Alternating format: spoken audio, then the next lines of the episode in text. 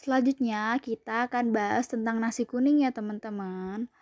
Nasi kuning adalah makanan khas Indonesia. Mak uh, nasi kuning ini terbuat dari beras yang dimasak bersama dengan kunyit serta santan dan rempah-rempah. Nah, dengan bumbu-bumbu tersebut, makanya nasi kuning itu memiliki rasa yang lebih gurih dibandingkan dengan nasi putih. Nasi kuning adalah salah satu variasi dari nasi putih yang sering digunakan sebagai tumpeng. Nasi kuning itu biasanya disajikan dengan bermacam lauk pauk khas dari Indonesia.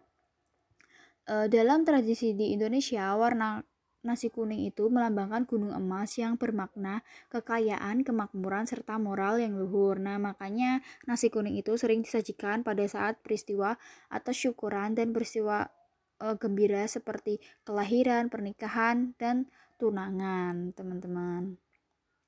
Itu. Semoga bermanfaat.